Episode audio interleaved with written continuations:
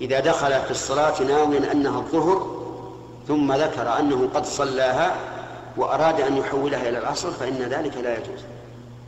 ولكن يكملها نفلا.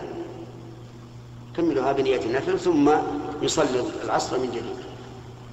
لأنه لا يمكن إدخال نيتين في فعل واحد. الآن أوضح لك. مثلا لو كان قد صلى ركعتين على أنها الظهر. ثم ذكر قال أريد أن أجعلها العصر. كم صلى من العصر؟ لا. حتى لو كان في وقت العصر.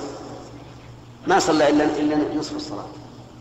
لأنه لا يحسب له إلا من إلا من النية.